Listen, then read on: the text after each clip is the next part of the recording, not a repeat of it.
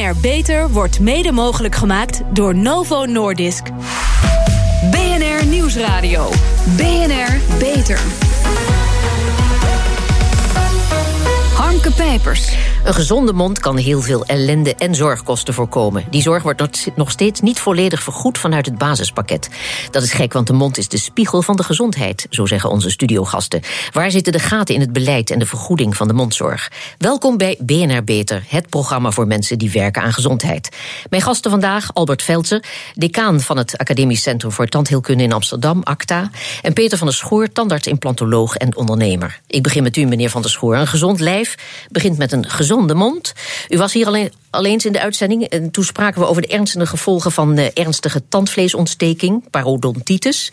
De aanleiding voor deze uitzending is een groot internationaal congres dat u heeft bezocht met de laatste stand van zaken in de parodontologie. En dat is de wetenschap die zich bezighoudt met ziekte van het weefsel rond de tanden en kiezen.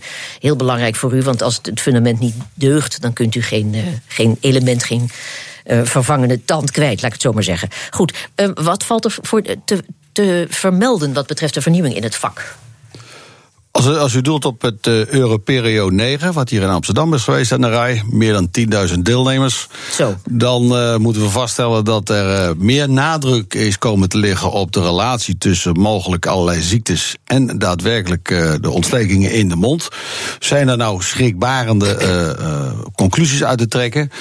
Uh, die zijn er niet echt geweest. Verder is er een sterke focus geweest op de behandeling weer van tandvleesziektes. Waarbij dus uh, in beeld werd gebracht nogal wat uh, ingrepen. Op zich wel uh, spectaculair. Ja, maar uh, ja, naar schatting heeft 1 op de 10 Nederlanders uh, die ziekte, hè, parodontitis. En we spraken ook in de vorige uitzending over de aandoening als de mogelijke veroorzaker van, nou, ik noem het gezellige rijtje hart- en vaatziekten, diabetes, vroeggeboorte en zelfs kanker. Meneer Van der Schoor, u was ervan overtuigd dat parodontitis de veroorzaker is van al dat onheil. Meneer Veldse, ziet u dat ook zo? Uh, dat is volstrekt niet waar. Uh, in het, uh, er is sprake van een associatie. Dat wil zeggen, dat is geen oorzakelijk verband. Maar als je hart- en vaatziekten hebt als afwijking, heb je ook een hogere kans op parodontitis. Omdat, en bijvoorbeeld geldt dat ook voor diabetes, een afweerstoornis, auto-immuunziekte. Als je afweer gestoord is, kan je ook makkelijker infecties krijgen. En vervolgens is het dan wel van belang als je de infectie behandelt, bijvoorbeeld van je tandvlees, minder infectieus wordt, minder ontstoken, mm-hmm. dat je dan minder uh, een beter uh, in balans kan komen met een diabetesbehandeling. Ja. Dus het heeft met elkaar te maken, maar het heeft mogelijk dezelfde oorzaak, maar het is niet elkaars oorzaak. Ja, meneer Van Schoor? Ik, uh, dat klopt inderdaad. Het is niet zo dat het een het ander uitlokt. Mm. Ja. Maar het is wel zo dat ze wel hand in hand kunnen gaan. Ja, precies. Dat is dan toch iets anders hè, dan dat het een het ander uitlokt, inderdaad. Goed. Eén uh, op de vijf kinderen gaat niet voor controle naar de tandarts. Over preventie gesproken, die heel belangrijk is. Hè, terwijl dat voor kinderen tot 18 jaar, met uitzondering dan van al die dure beugels, volledig wordt vergoed. Dat cijfer ligt nog hoger voor kinderen afkomstig uit arme gezinnen. Meneer Veldse, hoe komt dat? Wat moet er gebeuren ook om die kinderen ook naar de tandarts te krijgen? Nou, Nederland is een uniek land in de mondzorg, omdat wij vroeger een ziekenfondssysteem hadden, waarbij je je rechten op uh, zorg in natura mocht behouden als je twee keer per jaar naar de tandarts ging en kreeg een saneringsverklaring. Ja. Uh, onze cultuur is dat je twee keer per jaar naar de tandarts ging om te horen of het je nog gezond was. Dat is nu twintig jaar geleden afgeschaft. 30% van de Nederlandse samenleving is niet oorspronkelijk uit Nederland afkomstig, heeft die cultuur niet. Nee. En het verdampt nu een beetje. En wat je ziet, is dat het niet meer op het netvlies zit van alle Nederlanders, dat het verstandig is dus om af en toe bij de tandarts langs te gaan, om te horen hoe het met je gebit staat. Ja. Bijvoorbeeld parodontitis is een ziekte die over het algemeen geen pijn doet. Hm. Die sluipend je overkomt totdat het laat is en dan moet je ingrijpende behandelingen doen. Ja. Maar hoe dan ook, kennelijk is de drempel van de tandarts te hoog. Maar misschien gaat de zelfstandige gevestigde mondhygiënist... die in het kader van het door de minister gesteunde experiment... binnenkort zelf mag boren, hier uitkomst brengen? Meneer Veldsen?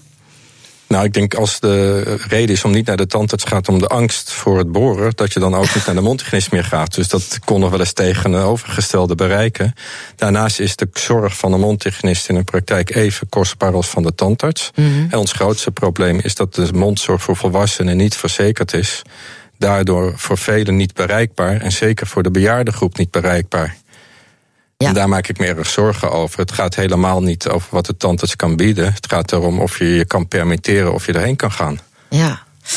Uh, meneer Van der Schoor, uh, deelt u de vrees dat bijvoorbeeld zelfstandig gevestigde mondhygiënisten, als het zover komt en uh, dat ze dan dat gaten boren, tandartsjes spelen interessanter gaan vinden en dat het mogelijk ten koste gaat van de aandacht voor preventie?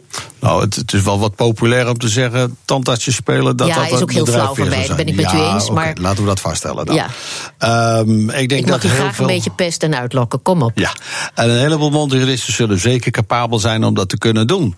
Mm -hmm. uh, dus uh, wat dat betreft heb ik er geen probleem mee. Daar staat tegenover dat het natuurlijk wel heel raar is dat je dan mensen van de preventie afhaalt. Ja. Om ze de gaten te laten dichten die de anderen laten liggen. Dat vind ik een hele rare situatie. En dat zou niet moeten. Ja. Dus ik ben er eigenlijk op tegen. Ja. Maar er zijn ook wel weer tandartsen voor als het maar bij hen in de praktijk ge gebeurt. Is, in verband met mogelijke complicaties. Nou, dat is natuurlijk. Uh, dat zou mijn randvoorwaarde zijn om het toe te laten. Daarom zei ik ook, ik ben er gedeeltelijk wel voor, maar dan wel onder die randvoorwaarden. Ja. Meneer Veldsen? Nou, mondhygiënist is eigenlijk de preventiespecialist, de opgeleide preventiespecialist. Ja. En ik had veel liever dat ze weer teruggingen naar de consultatiebureaus als tandheelkundig preventiemedewerker. Om preventie bij kinderen die net geboren, gezond geboren worden. Hoe hou je ze gezond? In plaats van het paard achter de wagen spannen door ze te laten boren. Want dan is het te laat. Dan heb je de ziekte karies al met alle symptomen. En ik snap de overheid dus niet dat ze niet meer inzetten, juist op het consultatiebureau of liever nog eerder naar de vroedvrouw. Ja. En, de, en, daar iemand bewerken dat hij gezond gaat leven. Ja, Zoals uh, collega Velsen zegt, het klopt. Zoals kinderen als ze jong geboren worden. Kinderen worden primair geboren zonder parodontitis en zonder karies. Mm. Dus ze beginnen clean. Dus we moeten dan voorkomen dat ze het alsnog krijgen. Ja, er is ook een theorie trouwens, we hadden nog niet zo lang geleden Remco Kort in de uitzending. En die zei, we zijn veel te rigoureus met onze bacteriën. En die bacteriën in de mond, ze worden bestreden met allerlei mondwatertjes en veel te rigoureus. Je hebt behoefte aan bepaalde bacteriën die juist wel heil brengen, die goed doen, die je nodig hebt.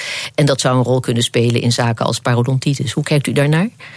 Nou, ik denk dat uh, was het maar waar dat je ze zo definitief kon doden dat het langdurig steriel bleef. Ja. Over het algemeen heb je binnen een paar minuten al de eerste kolonie weer terug. Mm -hmm. En het, uh, heel snel heb je, zoals het chic heet, het microbioom weer terug. En dat verandert niet. Oké. Okay. Ja, primair draait er natuurlijk om dat die bacteriën, die zijn er wel. Maar het gaat om een afweersysteem van de patiënt wat ermee kan dealen. Ja. En als je afweersysteem onder druk komt te staan, ja. Ja, dan word je ziek. Ja, maar volgens Remco Kort gaat ook het, uh, om het onderscheid tussen de bacteriën die juist goed voor je zijn, want die zijn er namelijk ook. Ja. En die, het Ja. lichaam moet dat dus leren herkennen. En dat ontbreekt te veel. Ja, maar de- bacteriën die goed voor je zijn, zullen ook geen belasting voor je immuunsysteem zijn. Mhm. Maar dat geldt bijvoorbeeld ook voor roken, wat het beïnvloedt. Het is, allerlei, het is een lifestyle ziekte waarbij eten, gedrag, poetsen, eh, roken, eh, drink, alcohol, noem maar op, allemaal beïnvloedt je bacteriën in je mond. En Ja. Het gaat dus om een gezonde levensstijl te bereiken. En ik denk zelf dat je dat bij een vrouw die zwanger is beter bereikt dan bijvoorbeeld bij iemand die al bevallen is en weer mag roken en drinken voor haar gevoel. Dus we moeten naar de vroedvrouw toe. Nou, er is nog een probleem waarbij mondhygiënisten een mooie rol kunnen spelen. De beroepsorganisatie voor tandartsen deed onlangs nog een noodoproep. Hè, want het dreigend tekort aan tandartsen, daar ging het om. Tandartsen die met pensioen gaan hebben grote moeite om een opvolger te vinden. Er komen gemiddeld 240 tandartsen bij en dan gaan er 300 in die periode met pensioen. Dat gat wordt eh, voorlopig nog opgevuld met tandartsen uit het buitenland. Meneer Veldsen, maakt u zich daar zorgen over? Ja, omdat in werkelijkheid het tekort veel groter nog is. Want eh, een groot deel van de bevolking kan het niet consumeren wat ze nodig hebben. En eh degenen die wel naar de tandarts gaan, zien toch ook te vaak af van noodzakelijke en kostbare behandelingen. Dus, en er is een tekort.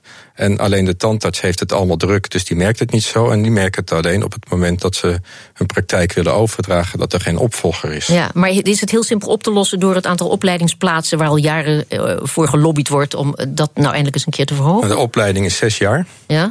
Dus als je nu hem verhoogt, dan uh, heb je over zeven jaar de eerste ophoging in de Ja. markt. En dat is Dus al opschieten, wou u zeggen. Dat opschieten. En daar, wij verwachten eigenlijk wel dat het Pantaya-rapport van de overheid, wat een marktonderzoek is naar de benodigde mankracht, zal leiden tot meer mondhygiënisten en meer tandartsen. Maar hoe ga je ze nou sneller opleiden? Of een zij-instroom van artsen, waar je er te veel van hebt, in de master tandheelkunde bijvoorbeeld, dan kan het in drie, vier jaar. Ja. Of zit er achter het feit dat uh, die opleidingsplaatsen, dat aantal maar niet wordt uitgebreid, toch het huidige beleid om uh, een deel van de taken van de tandarts uh, over te dragen aan de mondhygiënisten? Nou, ik denk dat uh, iedereen onderkent dat er te weinig mondhygiënisten zijn en te weinig tandartsen. Mm -hmm. Ik denk dus dat het wel meevalt. Het is gewoon een kostbare opleiding die door de samenleving betaald moet worden. Ja. En dat speelt ook mee. Feit ja, is dat de minister het zelf niet door heeft in ieder geval. Oh ja, vertel. Uh, breng me even bij zijn verstand hoe het zit. Ik denk dat collega Velsen dat goed heeft uitgelegd. Want die getalsmatig kan die onderbouwen. Ja. En het Panteijer-rapport. Dat je zegt, we hebben te weinig uh, tandartsen en uh, mondhygiënistes. Ja. Okay. En dat zou hij moeten snappen. Ja, dat zou hij inderdaad moeten snappen. Het is niet ingewikkelder dan dit in feite. Nee, het is uh, lagere school rekenen. Ja. Nieuwe inzichten in de tandheelkundige zorg laten zien dat er met preventie veel ellende te voorkomen valt, ook zorgkosten. Maar waar hebben we het over? Wat levert het op? Hoort u meer over na de reclame. BNR Nieuwsradio. BNR Beter. Preventie van zorg en zorgkosten moeten de zorg betaalbaar houden. Een vergoeding voor goede mondzorg, niet alleen voor kinderen tot 18 jaar, maar voor alle leeftijden, zou kunnen helpen. En helemaal als je constateert dat slecht tandvlees voor heel veel gezondheidsproblemen zorgt. Kortom, veel belangen en discussie. Maar preventie begint bij een gezonde levensstijl. Moet de minister de suikertax er doorheen drukken, om er iets te noemen? Daarover praat ik verder met Albert Veiltzer, decaan van het Academisch Centrum voor Tandheelkunde in Amsterdam, het ACTA, en Peter van der Schoor, tandarts-implantoloog. Ja, Eerst dit. Bij zorgverzekeraar ONVZ wordt heel veel aan preventie gedaan. Sterker nog, ze helpen bijna letterlijk met het tandenpoetsen. Gaan we luisteren naar voorzitter Jean-Paul van Haarlem. Wij bieden uh, als onderdeel van onze verzekering een tandenborstel aan onze verzekeraar aan. En uh, die tandenborstel die, die geeft inzicht in je poetsgedrag. Uh, daar zit een app bij. En daarmee kun je dus tijdens het poetsen vaststellen of je goed poetst. Je kunt zelfs die data nog met je tandarts delen als je wilt. En uh, daarmee bereik je zoveel beter poetresultaat. Uh, en dat bereik ik ook mede door ook per kwartaal uh, borsteltjes toe te sturen. Die ervoor zorgen dat je steeds de beste borstels hebt. Die gewoon up-to-date zijn. En daarmee bereik je goede poetsresultaten. En waarom denken jullie dat ja, dit de oplossing is? het is heel laagdrempelig. En het maakt je heel bewust van de meerwaarde van goed poetsen. En die tandenborstel is een van de, de bijzondere producten van Philips. die is dusdanig goed dat als je hiermee poetst... je ook de kwaliteit van, van je mond verbetert betalen allemaal zorgkosten. Dus op andere woorden, als we allemaal heel slecht zouden poetsen... dan delen we met z'n allen straks die kosten. En ik vind het de rol van een zorgverzekeraar ook om, die, uh, om dat uh, op zich te nemen. En uh, zorg te dragen voor goede voorlichting. En ook aan te geven wat het belang is van goed poetsen. Zou het in het basispakket moeten, zoiets? Uh, ik denk niet dat we deze vorm in een basispakket moeten doen. Wat, wat wel een belangrijke is, is dat je uh, iedere Nederlander toegang geeft tot de tandarts. En uh, op het moment dat niet iedereen, dat iemand een drempel ervaart om naar de tandarts toe te gaan, omwille van financiële reden, ja. dan zouden we dat wel in de basis. Eigen bijdrage. Ja. Hoe bereik je ja, die, die, die kinderen die ja, toch te veel snoepen, hè, te veel chips, te veel cola drinken? Ja, eigenlijk op twee manieren tandzorg in Nederland voor kinderen is gratis. Dus ieder kind kan naar tandarts. Alleen op het moment dat de ouder dat niet doet... dan loop je natuurlijk het risico dat het kind, het kind zelf ook niet gaat. Want die ouder moet betalen, hè? eigen betalen. bijdrage. Ja, en wat natuurlijk vaak de praktijk is... een ouder neemt een kind mee op het moment dat hij zelf naar de tandarts gaat. Dus ons voorstel is... Hè, maak het nou mogelijk via een preventieconsult in basis... iedereen, dus ook de ouderen, toegang krijgt tot tandzorg, mondzorg. En uh, daarmee maak je dus ook de bereikbaarheid van tandzorg voor kinderen... die in principe gratis is, veel groter dan dat die nu is. Ja, maar dat, dat gaat wel geld kosten aan de voorkant. Ja, ik denk dat het een beperkte investering is. Want één consult uh, in alle miljarden die we in zorg uitgeven... is een betrekkelijk bedrag. Waarbij uh, die kosten, in mijn optiek... zeker tegen de baten die we op lange termijn hiermee gaan creëren... gaan, gaan opwegen. Ja. En daar heeft dus iedereen meerwaarde van. Maar als ik u zo hoor, dan zouden we eigenlijk aan de voorkant... dus meer moeten betalen om uiteindelijk aan die achterkant... Ja, heel veel te besparen, te besparen. Ja, dat betekent uiteindelijk betere kwaliteit van het gebit... van zowel de volwassenen hier als ook van de kinderen. En daarmee besparen we dus kosten. En we zijn in staat om vroegsignalering te doen... rondom andere zaken als alleen je mond. Die we dus nu vaak achteraf moeten oplossen tegen hoge kosten. En bij vroegsignalering vaak goedkoper. Ja, dat zei uh, Jean-Paul van Haarlem, voorzitter van zorgverzekeraar ONVZ, tegen verslaggever Thomas Schuurman. Ja, we willen niet terug naar de tijd dat je aan het gebit van een kind kunt zien of hij arme of rijke ouders heeft. Dat wil kennelijk de voorzitter van ONVZ ook niet. Meneer Van der Schoor, wat vindt u van zijn verhaal? Ik kan het alleen maar onderschrijven. Ja, meneer Velten.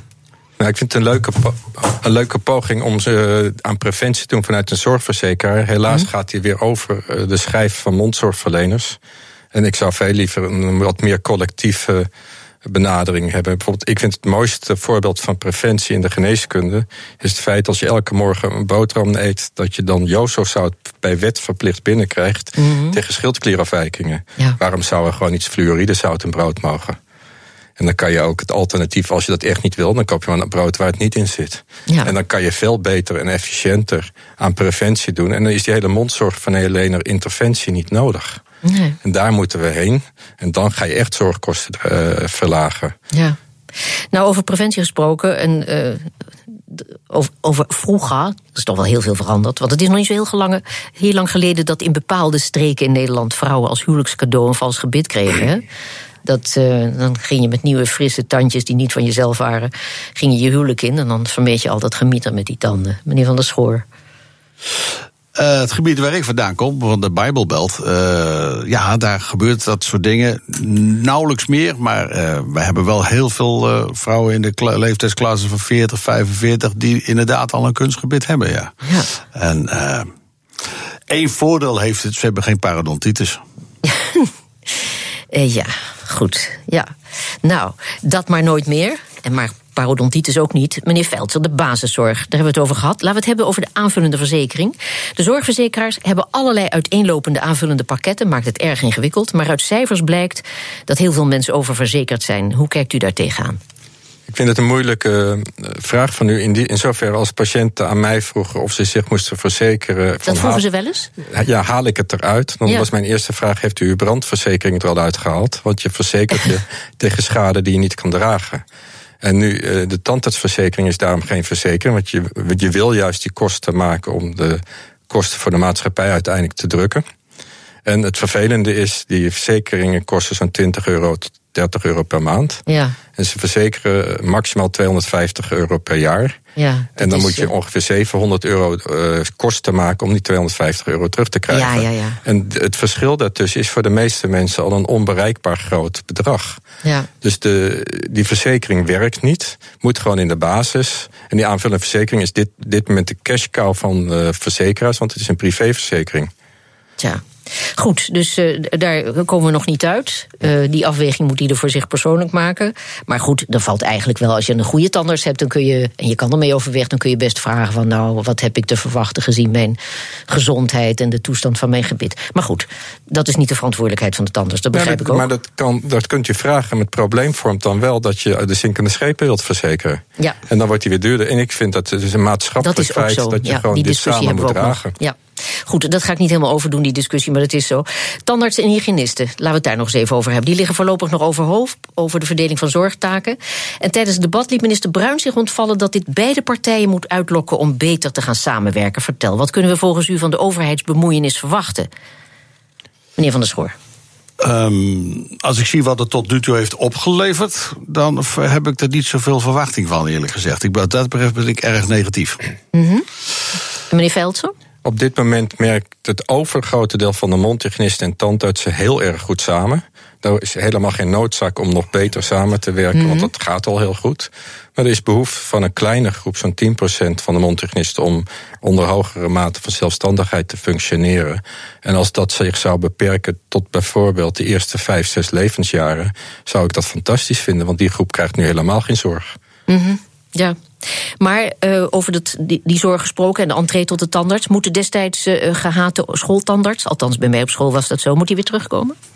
Nou, er zijn er, in een aantal steden zijn ze er nog. Mm En het, het gekke is dat we daar merken dat de gemakzucht dient de mens, dat eh, dan de ouders zeggen: Nou, wij wachten wel tot de kinderen naar school gaan voordat ze het eerst naar de tandarts gaan. En dat is vaak te laat. Dus je wilt toch de kinderen van vanaf drie jaar zeker al eh, regelmatig zien. En daar helpt de schooltandverzorging niet mee als ze te laat daarheen gaan. Vanaf zes jaar. Meneer Van der Schoor, de solowerkende tandarts wordt steeds meer uh, vervangen door de groepspraktijk, hè, waar alle differentiaties te vinden zijn. Dus parodontoloog, tandtechnicus, implantoloog, orthodontist, wat hebben we nog meer? Wat zou uw advies zijn? Ga naar een groepspraktijk of maakt dat niet uit?